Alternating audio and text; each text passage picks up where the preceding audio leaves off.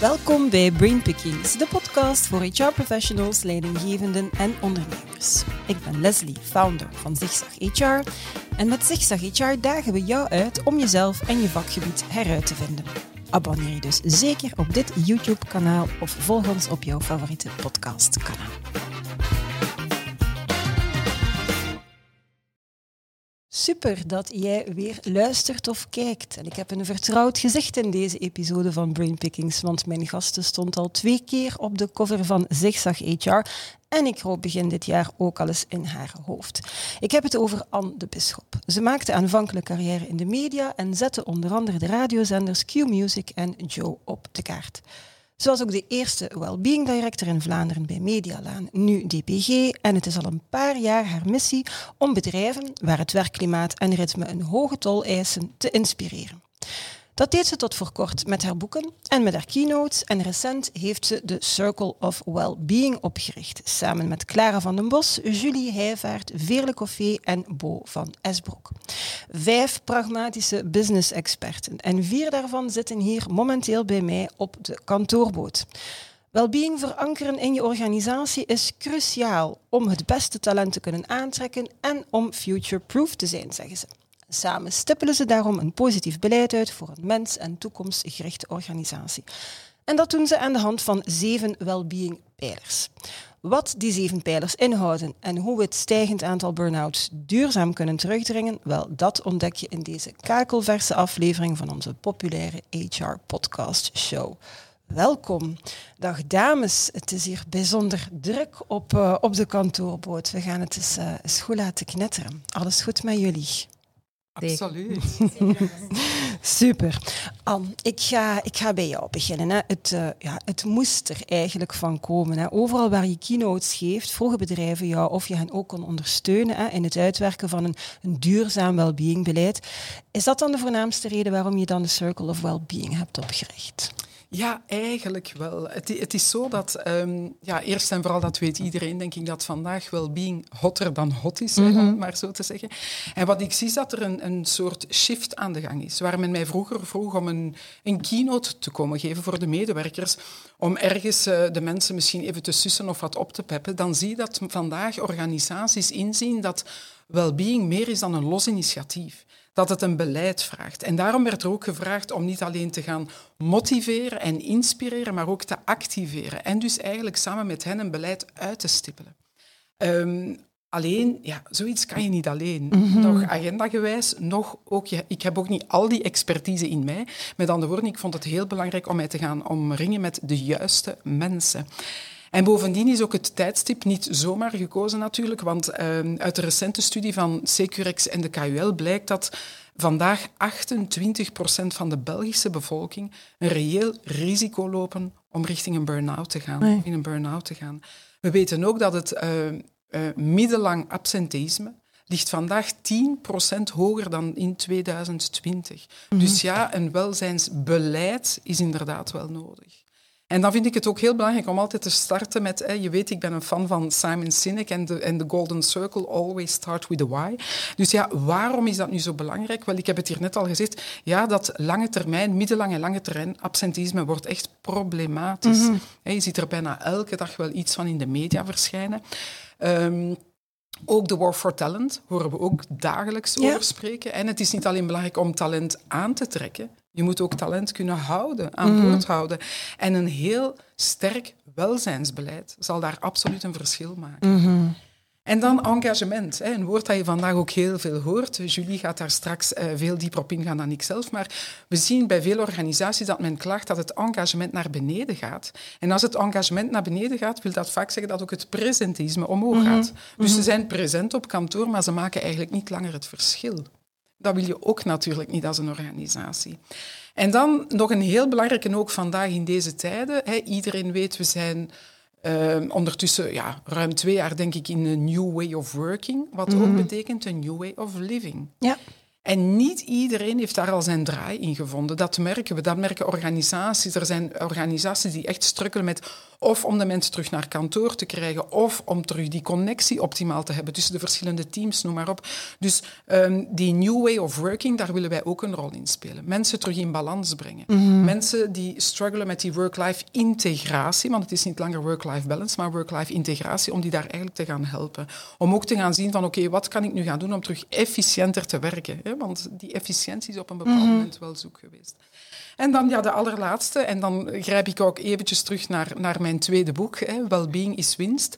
Ehm, waar ik eigenlijk zeg van kijk, gezonde en gelukkige medewerkers zijn uw allerbelangrijkste kapitaal. Met andere woorden, wij geloven met z'n allen in een welzijnsbeleid om dus ook die productiviteit van de medewerker, die productiviteit, die creativiteit, het innovatief denken, om dat allemaal weer een heel mooie ja, boost eigenlijk te gaan. Oké. en dus ja, wij geloven erin dat we dat samen nog zoveel beter kunnen dan, ja, dan ik alleen eigenlijk. Ja, ja, je zegt inderdaad wij, want eh, je doet dat niet alleen. Hè. Je, hebt de, je hebt je co-founders ook heel zorgvuldig eh, gekozen en je hebt hen ook meegebracht naar de kantoorboot. Klopt? Ja, dat klopt. Ehm, zoals dat je zegt, van, die zijn niet op één dag gekozen. Hè. We zitten hier met verschillende experten rond de tafel. Wat we vooral gemeen hebben, is dat wij allen een business-achtergrond hebben. En ik wil daar echt wel op hameren. Waarom? Wij weten dat het finaal in elk bedrijf om één ding draait. Financieel een gezond bedrijf zijn en toch wel winst maken. Wel, dat kan alleen maar met gezonde en gelukkige medewerkers. Maar toch proberen we uit dat fluffy, ja, ik durf het zelfs zeggen, geitenwolle sokken aanpak, daar blijven wij volledig uit weg. Dus wij gaan mee proberen een strategie te bepalen, een beleid uit te stippelen, daarin te begeleiden, een mooie rol in te gaan spelen. Maar wij gaan niet afkomen met fluffy zaken, want we weten dat sommige CEO's hun tenen dan wel eens durven gaan krullen.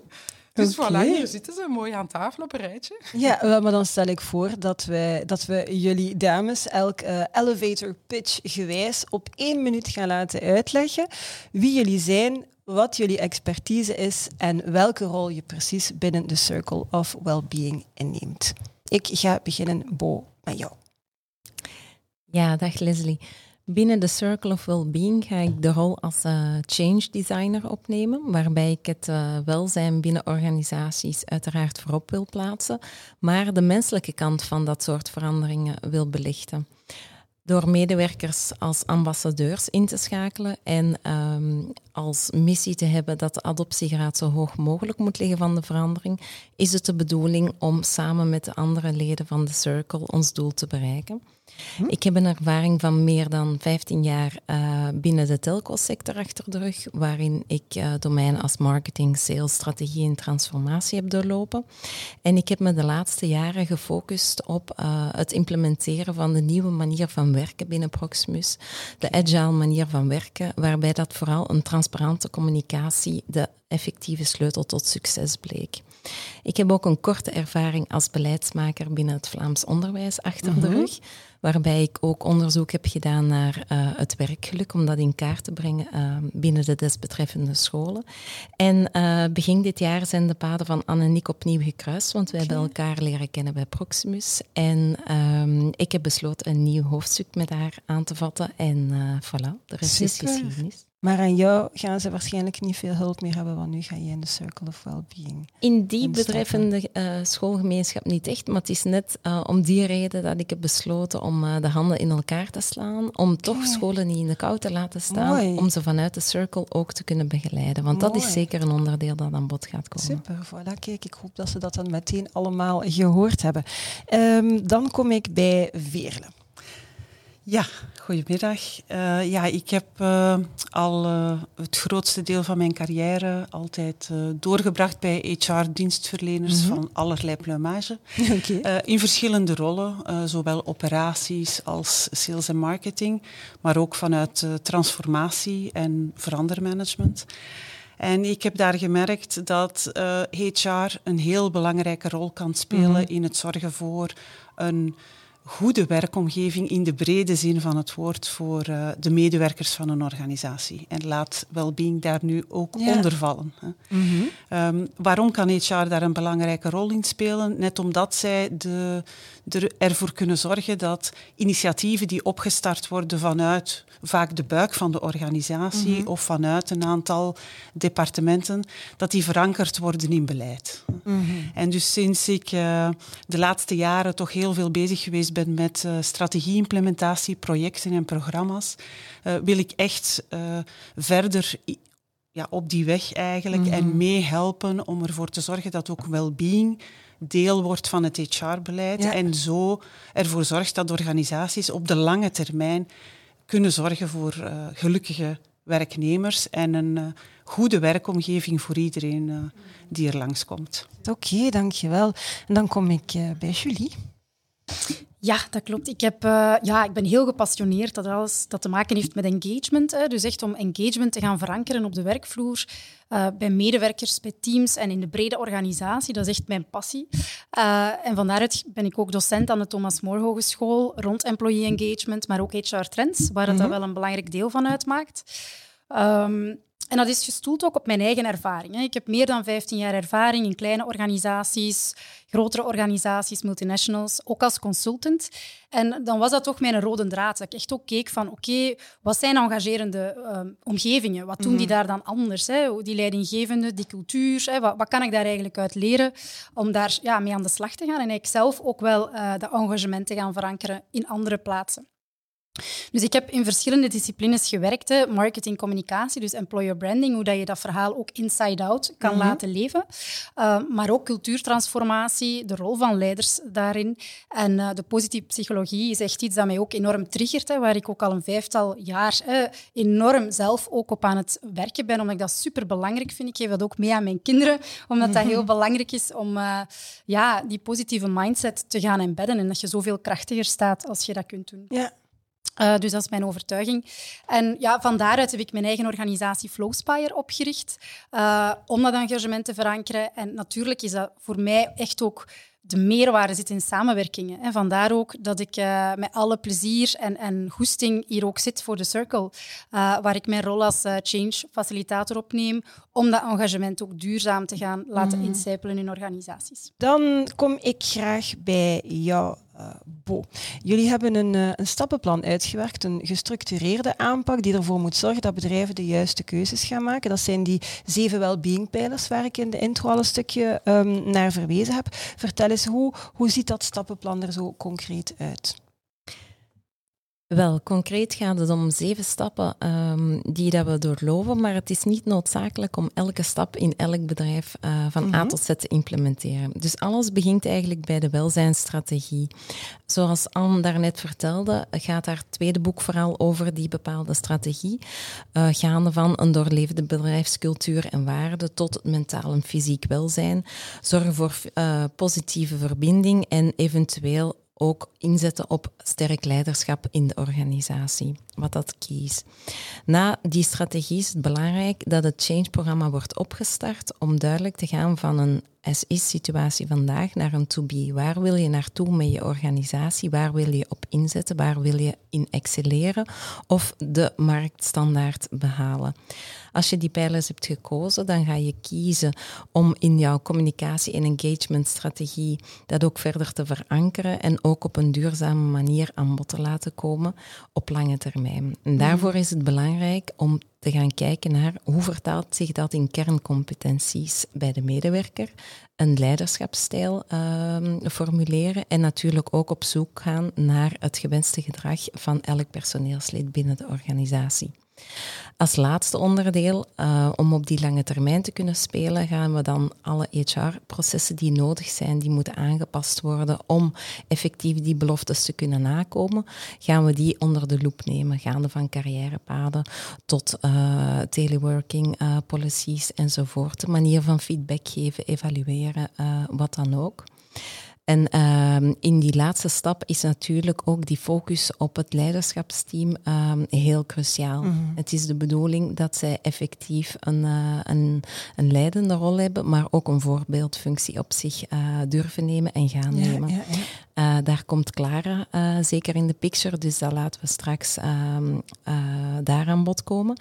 En als afsluiter zou ik zeggen, wij zijn natuurlijk fan van zo'n welzijnsbeleid, maar ook fan van organisaties die dat op de lange termijn zelf kunnen blijvend mm. ondersteunen en uitbouwen. Dus we willen ons zo snel mogelijk onmisbaar maken.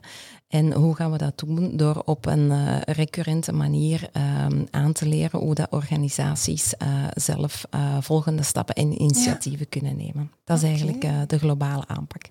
Knap. Um, als ik dan even bij jou mag komen, waarom was die Circle of Wellbeing eigenlijk nodig? Is misschien een kritische vraag, maar er zijn toch eigenlijk best wel al wat consultants op de markt. Er zijn al heel veel initiatieven rond Wellbeing, ook de afgelopen jaren als paddenstoelen uit de grond zelfs. Waar gaan jullie dan zo het verschil maken? Wat doen jullie anders? Ja, dat klopt wat je zegt. Er zijn uh, de laatste jaren heel wat nieuwe initiatieven uh, gestart. Uh, maar wat je ziet in de praktijk um, is dat je ja, heel veel initiatieven telkens vanuit de expertise of het standpunt van de persoon die het initiatief neemt, uh, worden ingekleurd. Mm -hmm. En dus daardoor krijg je een zeer versnipperd landschap, ja. waar je dan als organisatie ook zelf heel veel um, ja, al kennis moet hebben, voorkennis moet hebben, om te weten wat is er nu binnen mijn organisatie net belangrijk. Mm -hmm. Vandaar dat we het belangrijk vonden om toch al die expertises die wij samen hebben, samen te brengen, om al die standpunten te kunnen verenigen. Ja, ja, ja, Vandaar dat ik ook zeg, een van de eerste belangrijke verschillen die we maken is, we willen weg van ad hoc initiatieven. Mm -hmm. van uh, de typische, zoals het nogal eens in de volksmond wordt genoemd, yoga en fruitbaskets in de kantoren. Uh, initiatieven echt naar kijken op welke manier kunnen we als organisatie op de lange termijn voor al onze medewerkers het verschil mm -hmm. maken. Zowel arbeiders als bedienden, hè, want dat is ook niet altijd een mm -hmm. evidente. Maar dat vraagt een gestructureerde aanpak. Mm. Uh, en daar komt dan onze businesservaring uh, boven. Uh, dat is denk ik het tweede puntje waarmee we heel veel ja. verschil willen en kunnen maken. Is we hebben allemaal binnen onze eigen ervaring, onze eigen trajecten die we doorlopen hebben, samengewerkt met consultants allerhande. Mm -hmm. Op verschillende domeinen. Wat je vaak ziet, is dat, ja, dat zij een specifieke aanpak hebben en die proberen we, mm -hmm. probeert men dan te introduceren in een organisatie. Alleen is het wel heel belangrijk om uh, rekening te houden met de draagkracht en de veerkracht van een organisatie. Ja, ja. Zeker in een traject dat toch wel wat verandering met zich meebrengt, zoals dat met het wellbeing-beleid uh, het geval is. Mm -hmm. En dus vandaar dat we zeggen, uh, wij willen echt met organisaties rond de tafel gaan zitten, zoals Bo daarnet ook zei, kijken naar de verschillende stappen die wij voorzien in ons stappenplan, om ja, voor iedereen een stukje structuur in te bouwen van mm -hmm. waar moeten we allemaal over nadenken. Maar van daaruit te gaan kijken wat is ook haalbaar binnen deze organisatie op dit moment. Ja, ja. Dat kunnen heel kleine dingen zijn die we heel snel veranderen, om dan een opstap te creëren naar uh, veel grotere zaken. Mm -hmm. Dat is een tweede puntje. Um, een uh, derde punt is ja, het multidisciplinaire van mm -hmm. het mhm. team. Ik ja. heb het al gezegd, maar ik denk dat dat zeker een belangrijk voordeel is dat we hebben ten opzichte van ja, een aantal andere initiatieven die er vandaag zeker um, ja, zijn en, en die ook goed zijn in, hè, op hun domein. Mm -hmm. maar het voordeel dat we hebben is door net die verschillende kijk op de, op de zaak uh, samen te brengen, dat we een breed palet aan uh, ja, mogelijkheden kunnen bieden aan organisaties om ook hun eigen accenten te leggen en op de best mogelijke manier dat well-being-beleid binnen hun organisaties ja. vorm te geven. Ja. En dan als laatste, mm -hmm. het is een weggever, Bo heeft er ook al op gealludeerd, uh, maar het blijft binnen ja, adviesverlening en begeleiding van organisaties altijd een hele belangrijke is ervoor zorgen dat je wel de start geeft, maar dat de organisatie zelf kan overnemen. Mm -hmm. Dat je mensen engageert, enthousiasmeert, ook opleidt en een stukje ondersteunt om te zorgen dat wanneer je zelf vertrekt, wanneer de eerste fase van het traject is uh, afgerond, dat zij dan perfect kunnen overnemen. Want als we mhm. spreken over een toekomstgerichte organisatie, ja, ja. dan is dat een organisatie die ook niet stopt bij de implementatie van één traject. Die continu gaat kijken naar wat is er nu nodig? We Mhm. weten allemaal dat we in een veranderende wereld werken. Wat vandaag werkelijkheid is, is daarom morgen niet. Of niet meer op dezelfde manier.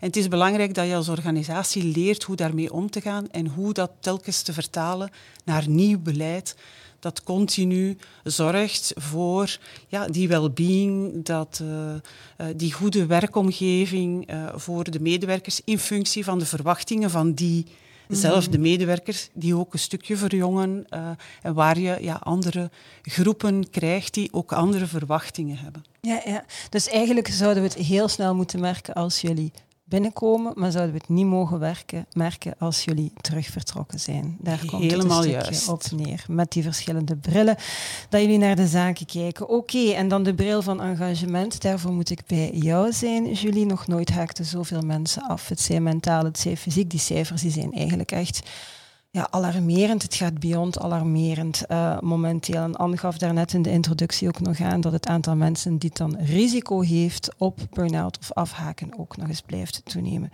Hoe zorg je er dan voor, belangrijke vraag voor jou, dat je medewerkers geëngageerd zijn en blijven? Welke tips, aanpak schuif jij daar naar voren? Ja, laat me misschien eventjes toe om ook te kaderen van wat is dat precies, Mhm. engagement. Hè? Want voor mij zitten daar ook twee onderdelen in. Je hebt een onderdeel to be well, hè, is effectief in je volle kracht staan, fysiek, mentaal, sociaal, emotioneel en eigenlijk het beste uit jezelf kunnen geven in je rol. Ehm, maar daarnaast heb je ook to do well, hè, effectief. Ja, die passie voelen voor hetgeen dat je aan het doen bent. Ook die alignering voelen tussen ja, wie dat jij bent en effectief ook de doelen van de organisatie en daar de brug tussen slaan. En dat is ook ja, een belangrijk onderdeel. De betekeniswerk gaat dat dan uiteindelijk Mhm. over. Ehm, in dat opzicht is engagement daar echt een emotioneel commitment met de doelen van de organisatie. En daar knelt toch ook vaak het schoentje. Hè, dat is in, in een wendbare omgeving, in steeds groter wordende teams, ehm, om echt duidelijk te maken wat ieders bijdrage is in de doelstelling. Ja. Om te zorgen dat dat engagement ook kan gaan floreren. Ehm, misschien ook een cijfer eh, uit recent onderzoek die aangeeft...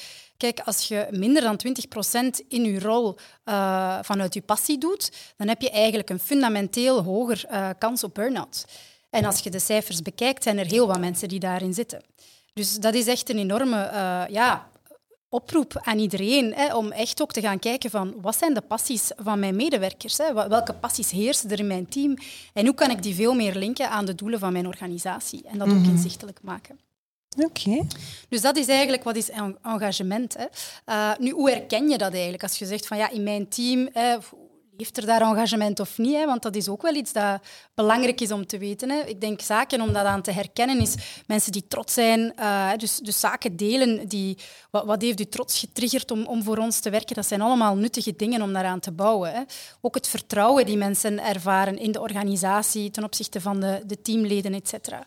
Uh, dat ze u zouden aanbevelen als werkgever ook, hè, als ze in gesprek gaan met anderen, uh, dat mensen ook gemotiveerd zijn om die een extra mile te zetten. Hè. Dus dat staat haaks op dat presenteïsme waar dat Anne het inderdaad ook al over had. Hè. Dus uh, dat zijn allemaal zaken aan wat je dat kunt gaan herkennen. Er zijn er uiteraard nog meer, hè, maar wij begeleiden bedrijven daar ook in van oké, welke aspecten aspecten komen daar effectief in, in naar voren. En dan specifiek uw vraag, Leslie. Hè, dus Sorry voor het dommetje, zeg maar. maar uh, hoe stimuleert je dat dan? Hè? Um, en uiteraard kom ik ook terug op hetgeen dat Bo gezegd heeft. Hè? Ons plan, ons stappenplan, dat gebruiken we voor de verschillende vragen dat we krijgen om echt een gedegen antwoord te kunnen geven. Uh, maar ik wil er nu drie uh, uitlichten. Hè? Dat gaat over cultuur, leiderschap en communicatie. Mm -hmm. um, dus de top drie daarin is voor mij hè, als eerste cultuur echt een... een um, een, een, cultuur creëren van bevlogenheid. Uh, dat dat echt is in een organisatie hè, om het engagement te gaan verhogen. Een, een cultuur waar mensen kunnen floreren, hè, of een inclusieve cultuur wordt dat ook wel genoemd. Hè. Mm -hmm. um, dus ja, uh, natuurlijk steeds gelinkt aan de waarde voor de klant en om die duurzaam te gaan verhogen. Want het gaat natuurlijk over welke waarden moeten er leven om future-proof te kunnen zijn als organisatie. Hè. Daar draait het om. Hè. Um, dus dat is superbelangrijk om als bedrijf uh, op in te zoomen van welke waarden leven er vandaag. Uh, en waar moeten we naartoe gaan? Hè? Welke waarden zijn er nodig om futureproof te zijn? En daar helpen wij ook bedrijven in. We hebben een, een, transformatieplan om die cultuurverandering te begeleiden. Ook een assessment om dat eigenlijk in beeld te brengen. En zo heel gericht um, ja, ook duidelijk te maken, de dialoog aan te gaan en dan naar gedrag en acties te vertalen. Mm Dus dat is een eerste belangrijke stap, is echt ook kijken naar die cultuur. Um, het tweede is ook echt dat leiderschap. Hè. Het is al meerdere keren aan bod gekomen. Leiderschap is key. Hè. Leiders hebben een rolmodel, hè. Zijn, zijn een rolmodel uh, daarin. Hè. Ze hebben echt een belangrijke voorbeeldrol. Het is belangrijk om in de spiegel te kunnen te durven kijken, die blinde vlekken te durven zien. Hè. En daarmee, ja, Clara is er jammer genoeg niet bij vandaag, maar dat is echt ook haar, haar ding. Hè. Dus zij mhm. kan enorm goed mensen coachen daarin, begeleiden en ook helpen om dat stapje hoger te maken. En echt ook zelf dat engagement te gaan ademen en te leven en daar dan een beetje de, ja, als een lopend vuurtje te gaan creëren in uw, in uw team. Um, daarnaast is het ook belangrijk in dat leiderschap dat je als leiderschapsteam als één naar voren komt. Hè, van, mhm. Dat zijn de waarden die wij willen leven. Oké, dat zijn nu de zaken die wij als team naar buiten gaan brengen. Dat is ook heel belangrijk. En soms zie ik daar in organisaties toch ook nog wel... Hè, dat, dat niet altijd loopt hoe het zou moeten lopen. Uh, en dan natuurlijk ook de tijd nemen en krijgen. Ik, ik zeg het een beetje beide, hè, omdat ik in de realiteit hè, heb het heel veel leidinggevenden, het superdruk, zijn ook bezig vaak met heel veel day-to-day dingen die ook zeer belangrijk zijn, maar het is super ja, noodzakelijk om tijd te creëren en te investeren in het scheppen van een motiverend kader voor uw medewerkers. En ja, daar komen we Natuurlijk bij een kader waar dat vertrouwen zit uh, op verschillende niveaus. Uh, misschien nog een cijfer die zeker aan bod is gekomen, is um, als uh, medewerkers vertrouwen hebben op niveau van de leiders, het leiderschapsteam, op niveau van de directe leidinggevende en op niveau van de teamleden. als ze twee daarvan nog maar zeggen van daar hebben we een gevoel van vertrouwen bij, dan is het engagement al Dus mhm. dat is eigenlijk, uh, een recent onderzoek heeft dat aangetoond, dus vertrouwen is key. En dat brengt mij ook bij autonomie. Hè. Autonomie van het ABC, ook een van de pijlers die al aangehaald werden. Uh, ja, autonomie ook kunnen geven aan mensen, zodat mensen ook zelf um, ja, dat verhaal kunnen invullen, hè, invullen en effectief ook de stappen kunnen zetten om dat doel te gaan realiseren. Dat is mhm. ook uh, een belangrijke tip die ik zeker wil meegeven. Uh, en dan natuurlijk ook ja, die belonging uh, die belangrijk is. Hè deel uitmaken van een team zorgt er ook voor dat het engagement 2 tot 7, uh, 2,7 keer verhoogd wordt. Uh, dus eigenlijk meer dan verdubbeld wordt. Um, ten opzichte van als je dat niet zou kunnen realiseren als leidinggevende. Dus echt ook mijn boodschap om daarop in te zetten. En die teams ook ja, zichtbaar te maken waar dat ieders kracht is, wat dat ieders sterkte is en hoe dat je dat kunt aligneren met de doelen van de organisatie. Mhm. En dan nu misschien een laatste puntje, hè, communicatie, dat slaat ook de brug naar wat Bo uh, straks nog gaat mhm. vertellen, um, is echt ook ja, communicatie is, is, iets dat we zeker moeten verankeren in de manier van werken rond engagement. Omdat uh, je hebt enerzijds het beleid, maar je hebt dan ook de employee journey. Hè? De employee journey uh, als in de gouden momenten die onze medewerkers meemaken, uh, dat we daar consistent in communiceren, dat we daar consistent ons engagementsverhaal in naar boven brengen. Dat is zeer belangrijk om dat ja, op een goede manier te doen, om mhm. ervoor te zorgen dat je medewerkers mee kunnen zijn in dat verhaal. Ja. En misschien dat we dan uh, toch eens luisteren bij, uh, bij Bo, want je hebt daarnet de link gelegd, uh, denk ik, naar Bo, die communicatie. Ja, het durft daar wel al eens knellen, het schoentje, als het gaat over communicatie. Je ziet toch heel vaak dat bedrijven best veel zaken organiseren voor hun medewerkers, dat ze eigenlijk best wel inzetten op heel wat initiatieven, maar dat medewerkers vaak helemaal geen weet hebben daarvan. Dat moet anders, dat kan waarschijnlijk ook anders. Dus mijn vraag aan jou, Bo, is hoe doe je dat dan heel concreet? Ja, bedankt voor die voorzet, Leslie. Het is inderdaad frequent dat bedrijven in de fout gaan door meteen, hoe zal ik het zeggen, in, in de actie te gaan. Ze mhm. willen meteen aan kennisoverdracht doen en ze willen dat de medewerkers op. Ehm, zo snel mogelijk op de hoogte uh, worden gebracht van een uh, beleid dat wordt gewijzigd. Bijvoorbeeld een welzijnsbeleid dat moet geïmplementeerd worden. Maar wat dat bedrijven vaak vergeten, is dat er eigenlijk nog twee cruciale zaken aan vooraf moeten gaan aan die communicatie. Dat is in de allereerste plaats moeten de medewerkers op de hoogte zijn dat er een noodzaak is om te veranderen. Mhm. Wat zijn de risico's van niet veranderen? Wat houdt dat in voor mij persoonlijk als medewerker? Of wat houdt dat in voor mijn bedrijf als wij hier nu niet gaan veranderen en een welzijnsbeleid bijvoorbeeld implementeren. Dus eerst op de hoogte zijn van die mhm. noodzaak. En de tweede fase, en dat is eigenlijk de belangrijkste fase van zo'n heel veranderingsproces, dat is what's in it for me? En dat geldt voor elke werknemer of medewerker in de organisatie. What's in it for me? Voor iemand die dat administratief werk uitvoert. What's in it for me? Voor iemand die een team aanstuurt. En what's in it voor de persoon die dat effectief die verandering gaat uitdragen. En een soort van sponsorcoalitie mhm. binnen het leiderschapsteam gaat vormen om die verandering op een breed niveau te vertalen. En die What's in it for me gaat ervoor zorgen dat, zoals Julie ook al aanhaalde, medewerkers geëngageerd gaan zijn om mee te stappen in jouw project. En in die derde fase, waarin dat je de communicatie loslaat op jouw medewerkers, zijn ze hopelijk al helemaal mee in het verhaal. En is het belangrijk dat je hen daarna niet aan hun lot overlaat, maar dat je hen ook effectief de vaardigheden geeft, de tools, de juiste uh, zaken aanreikt om mee te kunnen stappen in jouw uh, mm project. En een laatste stap die vaak wordt overges uh, overgeslagen of vergeten, of waar dat weinig aandacht of budget naartoe mag gaan, is het vieren van successen. Ah, ja.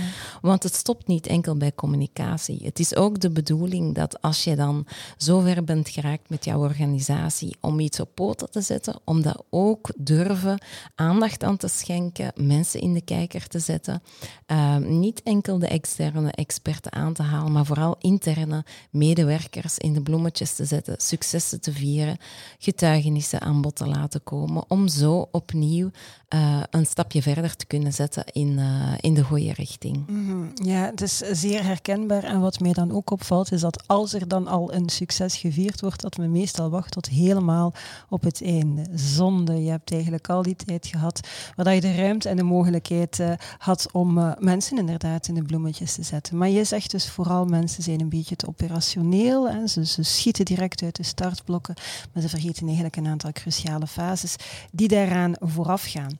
Um, er is hier ondertussen ook al een aantal keer verwezen naar Clara van den Bos. Ze is de enige persoon die er hier vandaag niet bij is. Niet omdat ze niet wou, ik geloof dat ze nog op reis is. En misschien dat we dat ook even heel duidelijk moeten stellen. Um, ja, en, en haar specialiteit, uh, ja, we kunnen nu niet rechtstreeks in haar hoofd gaan, maar als het oké is, dan zou ik daarvoor graag even in jouw brein gaan kruipen. People join companies but leave their bosses. Dat is een uitspraak die we heel vaak horen, die helaas ook heel vaak realiteit is. Leiderschap is zo onwaarschijnlijk belangrijk. Het is hier denk ik door iedereen al een paar keer benoemd en dat is dus de expertise van Clara. Anne, zet ons eens op weg. Wat moeten we daarover weten? Wat is daarin zo cruciaal? Uh, eerst en vooral, inderdaad, Clara is nog op reis. En ik wil in de picture zeggen dat het een fantastische, warme, aangename persoonlijkheid is die we inderdaad volledig willen inzetten op leiderschap. En um, waarom? Ik geloof niet in een welzijnsbeleid als er niet wordt ingezet op leiderschap. Mhm. Dat is een van de eerste vragen die ik ook stel als ik bij een bedrijf uh, ga en dat ze dan vragen om een welzijnsbeleid uit te stippelen. Is een van de eerste vragen van wat doen jullie vandaag rond leiderschap? Omdat we inderdaad spreken, hè, zoals ook uh, Julie al aanhaalde, we spreken vandaag over leiderschap gebaseerd op vertrouwen in plaats van op controle. En je zou echt er verbaasd van staan in hoeveel organisaties dat daar nog heel veel werk aan de winkel is. En uit recente cijfers, een recente studie uh, van de KUL, uh, in samenwerking met professor Anja van den Broek, blijkt dat inderdaad um, de samenwerking met de leidinggevende, dat die zorgt voor 68% meer motivatie, voor 71% meer werkgeluk, voor 67% meer werkplezier en voor 64% hogere productiviteit. Mhm. Met andere woorden, ja, de rol van die leidinggevende is cruciaal. En als we het dan ook van de andere kant bekijken, weten we ook dat de stijl van leidinggeven, dat dat toch ook voor een stukje die problematiek van de burn-outs mogelijk voor een stukje kan verklaren. Want um, de stijl van leidinggeven zou ook volgens een recente studie 32% meespelen in de risicobepaling van een burn-out. Dus ja, de rol is heel belangrijk. En ik zeg dat vandaag ook al in mijn keynotes, van ik ga ervan uit als je in een leidinggevende positie zit, dat je intelligent bent, dat je over de nodige IQ beschikt. Maar de vraag is altijd ook, hebben die leiders ook de nodige empathie? Hebben zij ook die EQ? Mm En Clara staat bij echt het hele brede spectrum van leiderschap uh, stil. Niet alleen dus bij die soft skills, maar dus ook, ja, ook bij het strategisch denken, noem maar op. Zij gaat echt het, ja, het, het wat hoort een goede leider allemaal in zich te hebben? Daar kan zij zowel in workshops bij stilstaan, als dus eigenlijk ook in one-on-one coaching op uh, C-level. Maar dus die rol van de leidinggevende, ik denk dat we het daar allemaal over eens zijn, is cruciaal. Al blijf ik zeggen dat welbeing een gedeelde verantwoordelijkheid is. ik wil ook niet de verantwoordelijkheid volledig daar leggen. Het is altijd, wat kan de organisatie doen? Wat kan de leidinggevende doen? En wat kan de mm En daar proberen we dus in al onze verschillende stappen de nodige aan. Vanuit inderdaad, ja, jullie expertise. En ik onthoud ook heel goed als het gaat over leiderschap. Ik denk dat jullie wel eens iets zei. Dat het heel belangrijk is dat ook al die leidinggevenden wel op dezelfde lijn zitten. En dat dat blijkbaar ook niet altijd het geval is. Dus onwaarschijnlijk zal Clara daar ook oog voor hebben. Oké, volgens mij is het ons niet gelukt om binnen het half uur te blijven. Zullen we eerder naar drie kwartier gaan. Maar bon, er zit hier ook zoveel volk op de boot. Hè. Uh, maar ik zou graag willen afsluiten toch met een aantal key takeaways. Is ook wel uh, de, wat is de essentie. Mensen die luisteren of kijken, die vinden dat eigenlijk wel heel fijn dat er op het einde echt, eh, wat is nu de kern van het verhaal, dat er nog eens meegegeven wordt. Dus ik ga jullie eigenlijk allemaal de mogelijkheid geven. Wat is nu de kernboodschap? Als ik iemand zou opbellen hierna en vragen, wat heb je onthouden? Wat hoop je dat ze gaan zeggen? Ik ga beginnen bij jou, Bo. Ja, um, ik kom terug op het feit dat het bij een verandering, als een implementatie voor een welzijnsbeleid bijvoorbeeld, essentieel is om na te gaan, what's in it for me voor elke uh, medewerker. Dus uh, daar ga je naar op zoek, daar uh, hou je aan vast en dat hou je voor het oog om jouw doel te bereiken. Oké, dat is al meteen een, een heel duidelijke key takeaway.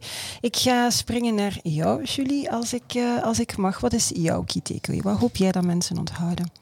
Om engagement te verankeren in een organisatie is het cruciaal om uh, dat te integreren in je organisatie en dat echt te linken aan je lange termijn doelstellingen. Uh, en niet zomaar een los initiatief te doen, maar echt te kijken van welke organisatie willen wij zijn, waar willen wij voor staan en wat betekent engagement voor ons. En dan effectief gaan voor die integratie daarvan. Oké, voilà, helemaal uh, beknopt en bondig. Dank je wel daarvoor. Dan uh, Veerle, wat is jouw key takeaway? Ja, ik zou zeggen aan de luisteraar of de kijker, als je al gestart bent met uh, wellbeing-initiatieven, ga dan toch eens kritisch kijken of die wel ook verankerd zijn in het beleid. Mm -hmm. En of je wel aandacht hebt gehad om te kijken op welke manier kan ik ervoor zorgen dat het ook op lange termijn uh, effectief is. Oké, okay, heel helder, dankjewel. En het laatste woord, ja, dat ga ik natuurlijk aan jou geven. Hè. Anne, vertel eens, wat is jouw key takeaway? Wat geef jij graag nog mee? Wat ik nog wil meegeven is dat we eigenlijk toch uh, als één partij willen optreden. En het grote voordeel daarvan is dat wij onze klanten daardoor door en door zullen kennen, de bedrijfscultuur door en door zullen kennen, de aandachtspunten door en door zullen kennen, dat wij elkaar continu op de hoogte houden van de verschillende stappen die gezet zijn en dat we daarom denk ik echt voor een heel mooie totaalaanpak kunnen gaan. En waar ik toch mee wil eindigen, en daar zijn wij ook allen trots op, wij hebben niet een mindset van uurtje factuurtje. Mhm. Dus wij proberen, zoals Bo daarnet ook al zei, ons zo snel mogelijk misbaar te maken. En daarom gaan wij ook inzetten op ambassadeurs binnen de organisatie. Wie zijn de ambassadeurs die kunnen helpen om jullie welzijnsbeleid tot een succes te maken?